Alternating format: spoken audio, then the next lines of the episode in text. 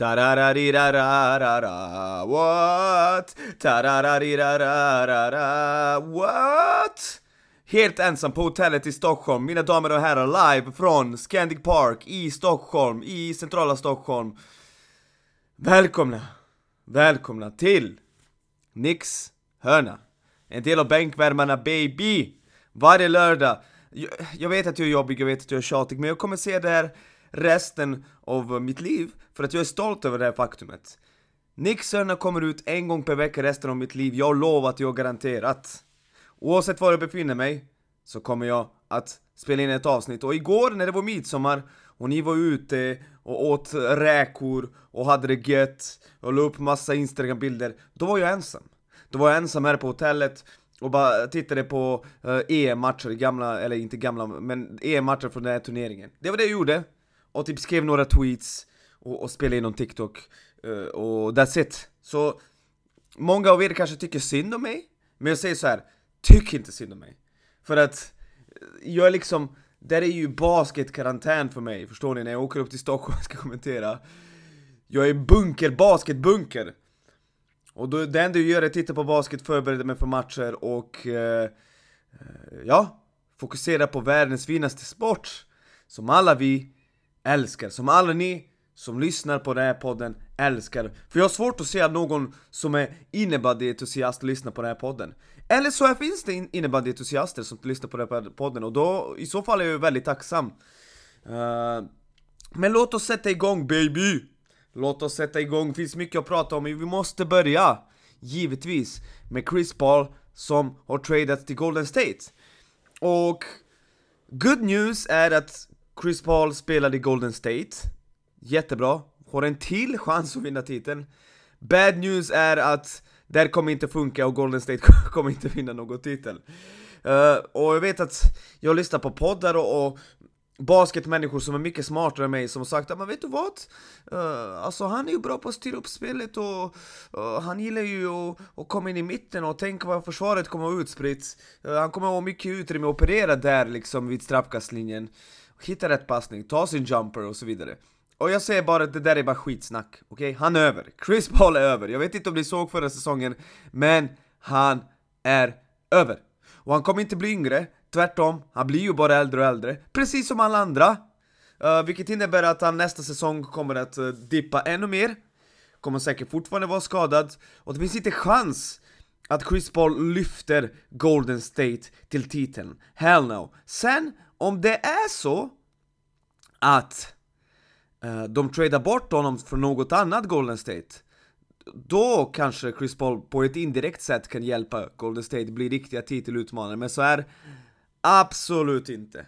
Clay Thompson blir äldre, Draymond Green blir äldre, Draymond Green kommer stanna förresten. Steph Curry blir äldre, och eh, nej, jag ser inte hur den här traden uh, hjälper Golden State.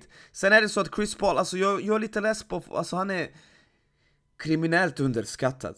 Och visst, folk pratar om hans slutspel och att han har misslyckats flera gånger, och det stämmer, okej? Okay? Det stämmer, vi minns 2014 med Oklahoma City när han kastade bort bollen där vid halvplan, det är ju katastrof. Uh, vi minns ju, uh, ja alltså det finns ju många slutspel som helst där han faktiskt, där hans produktivitet sänks. Men samtidigt, Golden State Warriors, det där gänget med, med Durant, Curry, Godala, Thompson, Green, det är ju den bästa lagen någonsin. Och lyssna på mig, Houston hade slagit ut dem 2018 om inte Chris Paul hade skadat sig i match 5. De hade slagit ut dem, alltså de var ju bättre. Sen skadade sig Paul i match 5, Match 6 vinner Golden State på hemmaplan och sen Game 7, ni vet vad som händer, Houston leder med 12 Utan Chris Paul och sen missar 26 eller 24 raka trepoängare, det var det sjukaste jag sett! Jag kommer aldrig glömma att jag, jag vaknade, då bodde jag på Druvefors, eh, jag delade lägenhet med Emil, Emil Lundstedt Jag vaknade mitt i natten och så såg jag resultatet och så såg jag att Houston ledde med 10 poäng, jag bara åh gött! Äntligen! Ryker Golden State och sen bara när jag vaknade så får jag reda på att Houston för, missat 24 raka trepoängsförsök, vilket var NBA-rekord. Men hur som helst, där och då hade de hade vunnit den serien och sen hade Houston vunnit mot Cleveland i finalen, jag lovar! Cleveland hade bara LeBron och så var det bara Jordan Clarkson och, och Rodney Hood och... Ja, det var ett trasigt jäkla gäng alltså. Kevin Love som var skadad och så vidare. Men i alla fall, uh, Chris Paul Underskattat historiskt sett, tycker jag definitivt.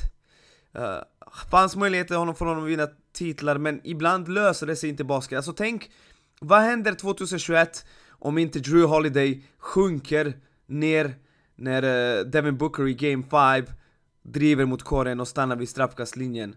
Vad händer då? Skulle Booker kanske satt skottet där?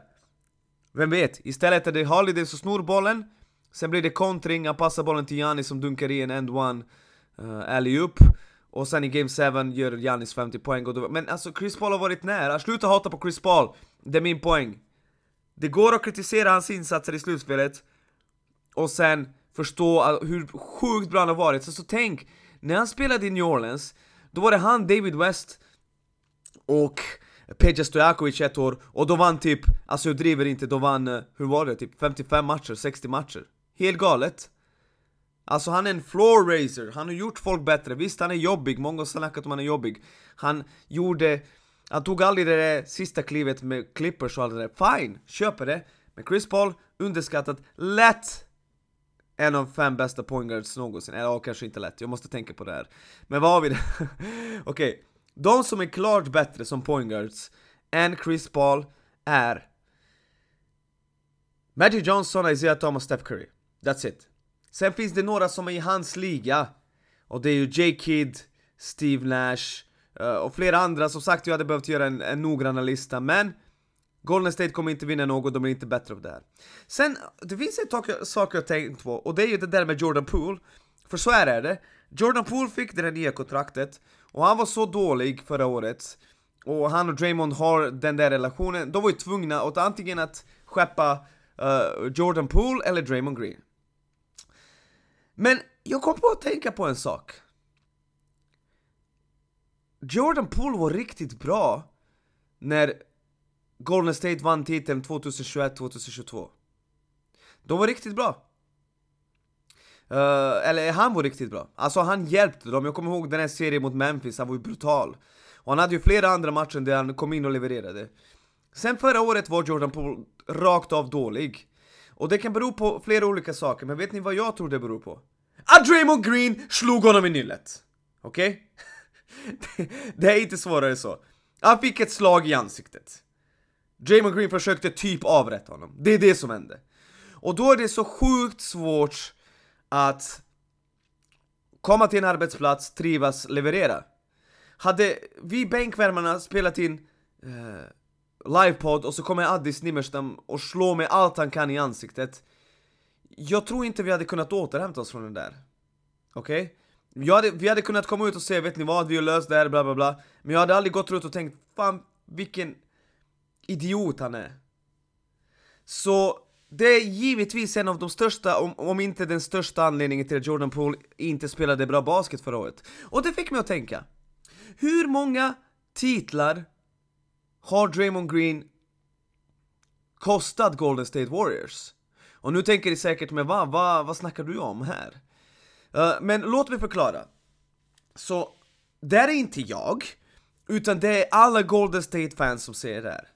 Alla Golden State-fans säger så här. Ja, Draymond Green 2016, när Golden State uh, ledde eh, uh, 3-1 i finalen mot Cleveland då hände det något som alla vi minns och det är när Green slog LeBron på pungen. Ja, det var det som hände, och så blir han avstängd i match. Och jag har inte sagt det här, jag har sagt att Cleveland hade vänt den här serien oavsett. Jag har sagt att Cleveland vinner tre matcher i den här serien med Draymond Green på planen. Eh, de vinner sjunde avgörande matchen på bortaplan med Draymond Green på planen, så jag tror att Cleveland hade vänt oavsett. Men Golden State-fans säger ja, oh, hade inte Draymond Green gjort det där på LeBron, då hade han uh, inte blivit avstängd och då hade inte serien vänt. Det är där serien vänder. Så där kostar Draymond Green Golden State en titel. Vi spolar vidare till 2017-18 säsongen. Matchen mot Clippers på bortaplan. Draymond Green gör som en riktig pappskalle där i slutet av matchen ska ta skottet själv. Kevin Durant är helt öppen. De går tillbaka mot bänken och tjafsar och det, det uppstår ett, det där superbråket Där Draven Green skäller ut Kevin Durant, kallar honom för allt möjligt Och säger åh vi kan vinna utan dig, vi behöver inte dig Vad händer efter det? Jo, det var liknande situation som med Jordan Poole. De spelar vidare, de tar sig till final, de hade vunnit åt Kevin, om Kevin Durant inte hade skadat sig och så vidare. Men sen när Kevin Durant lämnar Golden State och drar till Brooklyn så ser han att det där bråket var en stor anledning till att han lämnade. Och jag säger till er, hade Kevin Durant trivts i Golden State och hade han stannat så hade Golden State, State vunnit titlarna kanske till och med 2020 och 2021. Någon av de säsongerna var Chris, uh, Steph Curry skadad. Men det är nu andra gången Draymond Green ser till att vända på historieböckerna genom att jaga bort en spelare, bokstavligt talat. Återigen, det är inte jag som säger det är Kevin Durant som säger det när han gästade First Take. Ni kan youtuba det. En stor anledning till att han lämnade Golden State är ju det där bråket. Så där kostar han Golden State i alla fall två titlar nu sammanlagt. Och i år säger jag att Golden State hade vunnit allt om Jordan Poole inte hade blivit nitad, absolut inte. Men det jag kan säga till er är, hade Jordan Poole spelat på samma nivå i år som han gjort förra året, så hade Golden State varit en mycket större contenders och de hade inte rykt redan i andra rundan, det tror jag verkligen inte. Så 0,5 titlar ser vi. Två, så visst, Golden State har vunnit allting. Massa gånger, de har fyra titlar, det är mycket. Men jag säger till er, de hade kunnat vinna ännu fler om Green, Draymond Green inte var en pappskalle. Det är bara så det är. Han rubbar ju balansen. Han är en glorifierad rollspelare som är en av NBAs bästa försvarare. Jag säger inte att han inte är det. Han är viktig för deras anfall. Men han är fortfarande... Okej, okay, kanske inte rollspelare, det är lite att ta i. Men han är inte så pass... Eh, han är inte så pass viktig för Golden State att han ska orsaka så mycket kaos. Och att titlar förloras för att han är en pappskalle. Så vill jag bara säga. Så återigen, det som händer nu med, med Jordan Poole är att han har dålig säsong och Golden State har inget annat val än att skicka honom till Washington För att det är väldigt uppenbart att de kommer försöka behålla Draymond Green Och då kan man inte ha den här dynamiken Det är bara så det är! Uh, vi går vidare, uh, vi såg en trade som många var lyriska över.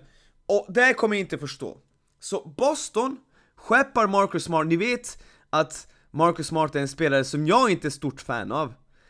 Uh, han är oförutsägbar, oberäknelig och jag gillar inte den typen av basketspelare, men alla vi som kan och följer basket vet hur mycket han betyder för just det där Boston Celtics-gänget. Han betyder otroligt mycket. Så, uh, han är själen i Boston Celtics, han är hjärtat i Boston Celtics. De är inte mentalt tuffa, i Boston Celtics, han är mentalt tuff. Han är ruskigt tuff. Han tror att han är bäst i hela universum, typ. Uh, och på så sätt gav han Boston Celtics en välbehövlig dimension. Och det som hände är att det inträffade några trades, hur som helst Marcus Smart hamnar i Memphis och Boston får Kristaps Porzingis. Och många bara Yay! Yay! Porzingis, han är ju 2,23 och kan skjuta och kan blocka skott, woho! Det sista Boston Celtics behövde i den här situationen är någon som har mjukglass mentalitet. För Krista Porzingis, okej, okay, vet ni vad, han har inte mjukglass, alltså, han är faktiskt oväntat tuff. Det ska jag ge honom. Däremot så får Boston Celtics in en spelare som, lyssnar på det här, inte spelar matcher. Och ni undrar, vad menar jag med det? Här ska jag förklara för er. Det är antal matcher Krista Porzingis har spelat i sin karriär per säsong. Så vi börjar första säsongen 72 matcher, mycket bra. Andra säsongen 66 matcher, helt okej. Okay. Tredje säsongen 48 matcher, oh, nästan halva säsongen. Uh, fjärde säsongen spelade han 0 matcher, för han var ju korsbandsskadad. Sen kom han tillbaka och för 57 matcher, inte godkänt men det får duga. Uh, sen säsongen efter det 43 matcher, återigen nästan halva säsong missade han. Säsongen efter det 51 matcher, absolut inte godkänt. Och så efter det 54 matcher, och nu förra säsongen 65. Och folk var ju lyriska över att han spelade 65, bara wow, han missade bara 17 matcher. Uh, och uh, det som är intressant där är att jag tror att Boston Celtics går på den här sista säsongen och tänker Ja, ah, men han spelade ju 65 matcher Han kommer aldrig någonsin ha skadeproblem Men jag tror inte på det uh, Och sen kan vi gå vidare och jämföra med Marcus Smart Som har spelat han har också haft skadeproblem, låt oss vara ärliga, men han har spelat 67, 61, 79, 54, 80, 60, 48, 71, 61 Så han har ju procentuellt sett spelat många fler matcher än Kristaps Porzingis. Det går inte att jämföra. Och då säger jag så här, Boston Celtics, era centrar är Kristaps Porzingis och Time Lord Williams. Två av de mest skadedrabbade centrarna. Och sen, på inside-positionen finns även Al, Al Horford, Horford, som är äldre än Jesus. I, varför är ni lyriska? Jag hade varit orolig, på riktigt. Vi har pratat om det här, Boston har all talang i världen, de har säkert mest talang av alla lag i NBA. Men för att gå hela vägen, jag har sagt det tidigare, jag säger det igen, de kommer behöva ha en enkel run genom slutspelet och sen i finalen möta ett antingen orutinerat lag som Oklahoma 2012 eller ett lag som typ har sin bästa spelare skadad. Boston Celtics kommer aldrig att vinna titeln så länge de möter ett lag som är i alla fall lika bra som dem, där någonstans. För de är för upp och ner, de är antingen sjukt bra eller sjukt dåliga, de har ingenting som heter jämnhet. Och nu förlorar de liksom själen till laget och tar in en snubbe som i snitt missar halva säsong uh, per säsong. Halv säsong per... Ja, missar en halv säsong per säsong. Jag är inte optimistisk allihopa. Jag är inte optimistisk! Jag gillar inte, jag tror inte att CP till Golden State kommer att bli succé. Jag tror inte Porzingis till Boston Celtics kommer att vara succé. Sen om Kristaps Porzingis nu spelar återigen 65 matcher och, och klarar sig djupt in i slutspelet utan att skada sig och, och, och, och skjuter 40% från tre och blockar skott och Jason Tatum inser att uh, han måste bli uh, jämnare och uh, kanske välja sina lägen och inte bara nöja sig med sju tuffa jumpers och Jalen Brown förbättrar sin bollbehandlingsförmåga och Malcolm Brogdon också är frisk säsongen igenom. Uh, och Timelord också är frisk varför inte? Men det är för många saker som måste klaffa för att det ska hända. Boston Celtics kommer aldrig vinna titeln med den upplagan de har nu. It is what it is. It is what it is. Så, vi går vidare. Eh, uh, NBA-draften, vi såg ju att först och främst stort grattis till Tristan Vukcevic, svensk. Som blev draftad. Bobby Klintman hoppade av draften, men Tristan Vukcevic är svensk. Det stod till och med hans flagga, jag såg ju några bilder där det faktiskt står svensk flagga.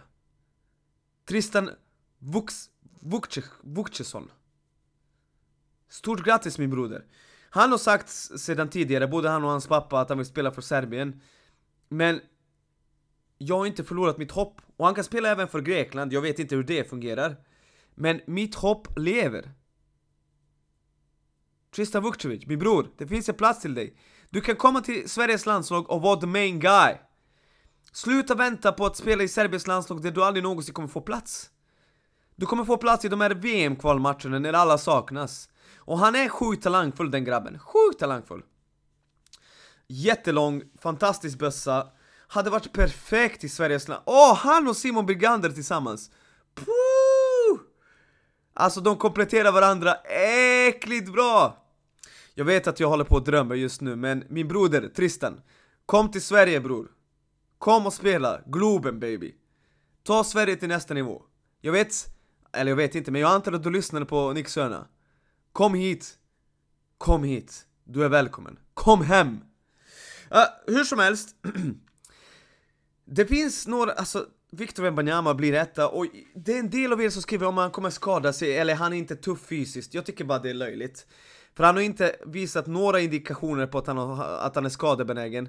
Och det där med att han inte är tillräckligt tuff fysiskt, snälla någon, han, han kommer ju han kommer mangla NBA allihopa, alltså sluta övertänka det här, han är äckligt bra. Han kommer bli en allstar, kommer dominera och han kommer komma långt. Beroende på det där med skadeproblem. Givetvis. Men jag tycker det är intressant, det finns en expert, jag tror att det var han som heter Chris Broussard som jobbar på Fox, har jobbat på ESPN. Han har sagt det här, lyssna på detta.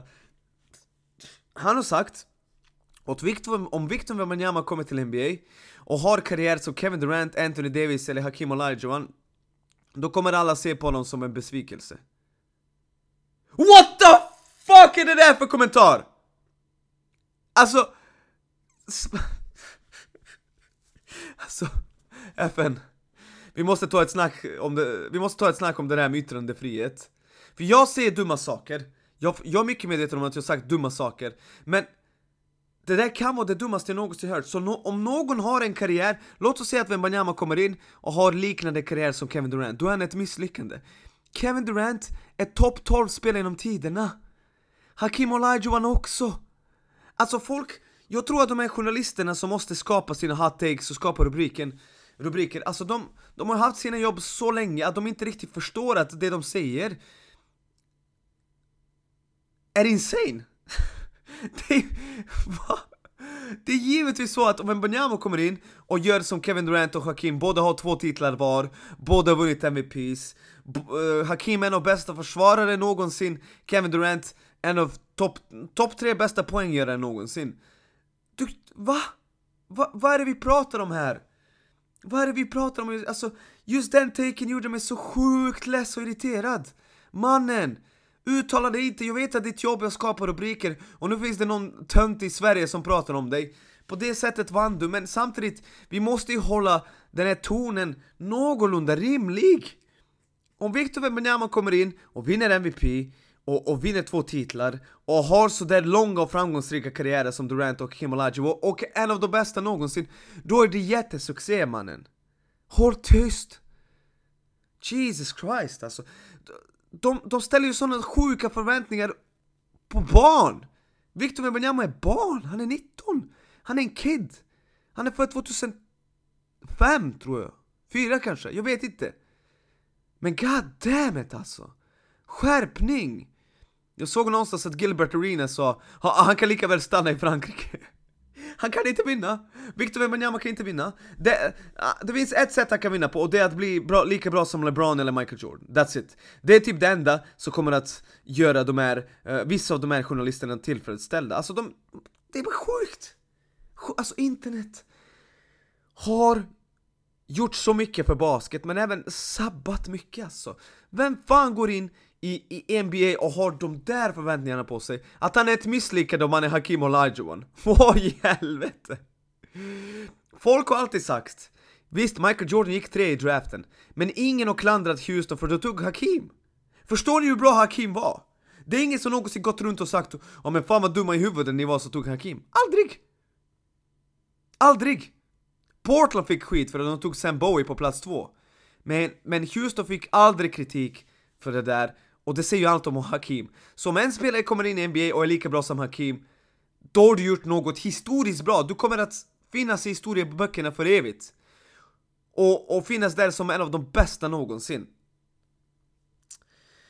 Okej, okay, vi går vidare. Vi går vidare till nästa ämne. Jag var tvungen att ta in lite svensk basket. Gustav Hansson är ämnet idag. För det har spekulerats mycket om var Gustav Hansson kommer att hamna. Kommer han dra utomlands? Kommer han att stanna i Umeå? Det alternativet har florerat runt om basket-Sverige. Eh, kommer han kanske, jag kan tänka mig att lag som uh, Luleå, Norrköping, Södertälje, till och med Borås drar i honom, Jämtland också. Uh, och då är frågan, var någonstans hamnar Gustav Hansson? För tiden, uh, klockan tickar. Vi är, vi är i slutet av juni. Det är en månad kvar uh, innan vissa lag börjar sina samlingar. Så det är ju Ja, man kan tro att det finns alltid i världen, men det finns inte. Och jag har faktiskt sagt från början att det mest logiska, och jag tror att, eller vet ni vad? Jag säger till er, jag säger, jag säger till er, Gustav Hansson kommer hamna i Jämtland. Gustav Hansson kommer att hamna i Jämtland. Och det är många som har sagt till mig, inte en chans. Vi vet ju att Gustav Hansson fick lämna Jämtland innan Annan Schacks första säsong, för Annan Schack ville inte ha Gustav Hansson där. Och Oliver Gerke, om ni minns. Han ville bygga om laget lite, och då ville han ta, ta in sitt eget folk, och det är helt okej. Okay.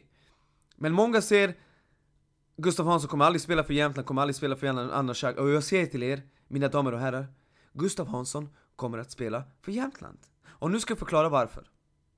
Lyssna. Jämtland erbjuder, kan erbjuda Gustav, äh, och nu har jag inte fått höra något, jag har inga inside information, inside källor, utan jag bara spekulerar. Gustav Hansson kan ge, eh, förlåt, Jämtland kan ge Gustav Hansson något i princip inget annat lag i Sverige kan ge honom. Och det är, nummer ett, att han bor i en stad där han är bekväm, där han har spelat, där hans flickvän kommer ifrån. Det kan bara Jämtland erbjuda. Nummer två, Jämtland kan erbjuda honom Europaspel. Jämtland kommer återigen att tävla internationellt. Och då är det bara Jämtland och Norrköping som kan erbjuda det i år. Så även där har Jämtland något fint uh, att uh, erbjuda. Tre, Jämtland kan erbjuda Gustav Hansson chansen att tävla om titeln. Hur många lag kommer kunna göra det nästa säsong? Tre eller max fyra? Umeå kan inte göra det. Förstår du vad jag menar? Fyra. Jämtland Basket kan erbjuda Gustav Hansson att få en stor roll i ett bra lag. Och nu undrar ni säkert, men vadå då? Kan inte andra lag göra det? Lyssna, Gustav Hansson är en spelare som behöver ha bollen i händerna. That's it. Och vad saknade Jämtland förra året? Ah? Vad saknade Jämtland? Vad var det vi pratade om? Kreativitet på pointguard-positionen! Kreativitet på pointguard-positionen! Kreativitet på pointguard-positionen! Gustav Hansson är perfekt för Jämtland och det de har byggt. För nu kanske de chansar med en amerikan och tar in en Rayquan Evans och CJ Wilson, eller CJ Jackson, eller vad heter han? CJ Jackson som helt plötsligt glömde hur man spelar basket där i slutspelet. Men, ja, alltså, han är ju perfekt för Jämtland. Och Jämtland tror jag kan erbjuda honom bra med lön, bra livssituation, och Jämtland kan erbjuda honom att tävla internationellt, och Jämtland kan erbjuda honom att tävla om guldet. Så jag ser till er, mina damer och herrar. Gustav Hansson kommer att spela för Jämtland. Och det är inte någon bekräftad information. Men jag är redo! Jag är redo att sätta min kunskap om svensk basket på spel här. Gustav Hansson kommer att hamna i Jämtland, punkt. Och ni kommer bli förvånade och ni kommer säga ja men det var... var det är bara som det är. Det är den bästa möjliga situationen. Det enda undantaget du kan se är att typ något lag från, ja, Boris Balibreas lag i Polen eh, erbjuder honom ett kontrakt och så går han dit och så får han inte lön på två månader och sen kommer han tillbaka och signar med Umeå. Det kan absolut hända. Men som jag ser det från mitt perspektiv här, han kommer hamna i Jämtland. Och ni kommer bli chockade när ni ser att jag har rätt. Vi avslutar detta poddavsnitt med, med att prata om EM för eh, damer. Som pågår, sänds på SVT, precis som mycket annan basket som kommer att sändas. Mm. Eh, denna sommaren. Cirka 30 matcher. Eller nej, det är mycket mer matcher. Cirka 30 arbetsdagar för mig den här sommaren i Stockholm med basket. Gud, jag är så lyckligt lottad. Jag är så lyckligt lottad! Som har den här möjligheten. Någon gång kommer jag prata om hur lycklig lottad jag är, hur glad och tacksam jag är för alla människor som har funnits runt omkring mig och hjälpt mig. Men vi behöver inte det nu. Hur som helst, EM för damer, semifinalerna börjar idag. Och eh, vi har ju den här monster-semifinalen Belgien mot Frankrike och sen har vi Spanien mot Ungern. Och den andra mellan Spanien och Ungern kan vi avhandla redan nu. Eh, Spanien kommer vinna, så jag behöver inte gå in mer. Spanien har uh, trappat upp uh, sin form. De har ju spelat allt bättre efter den inledande förlusten mot Lettland. Uh, De har mer rutin, de har mer bredd, de kommer vinna. Uh, tror jag i alla fall. Okej, okay, jag ska ändå kommentera och... Okej, okay, jag måste omformulera mig. Fan att vi inte klipper den här podden. Inget lag är någonsin chanslöst, givetvis. Det ska spelas om det och Ungern har kommit så här långt av en anledning. Men jag har svårt att se Spanien missa den här chansen när de spelar mot ett lag som inte alls har lika mycket talang. Så, där har vi det. där har vi eh, min utveckling kring hur jag tror det kommer gå i den matchen. Och sen har vi matchen mellan Belgien och Frankrike som många ser i finalen före finalen.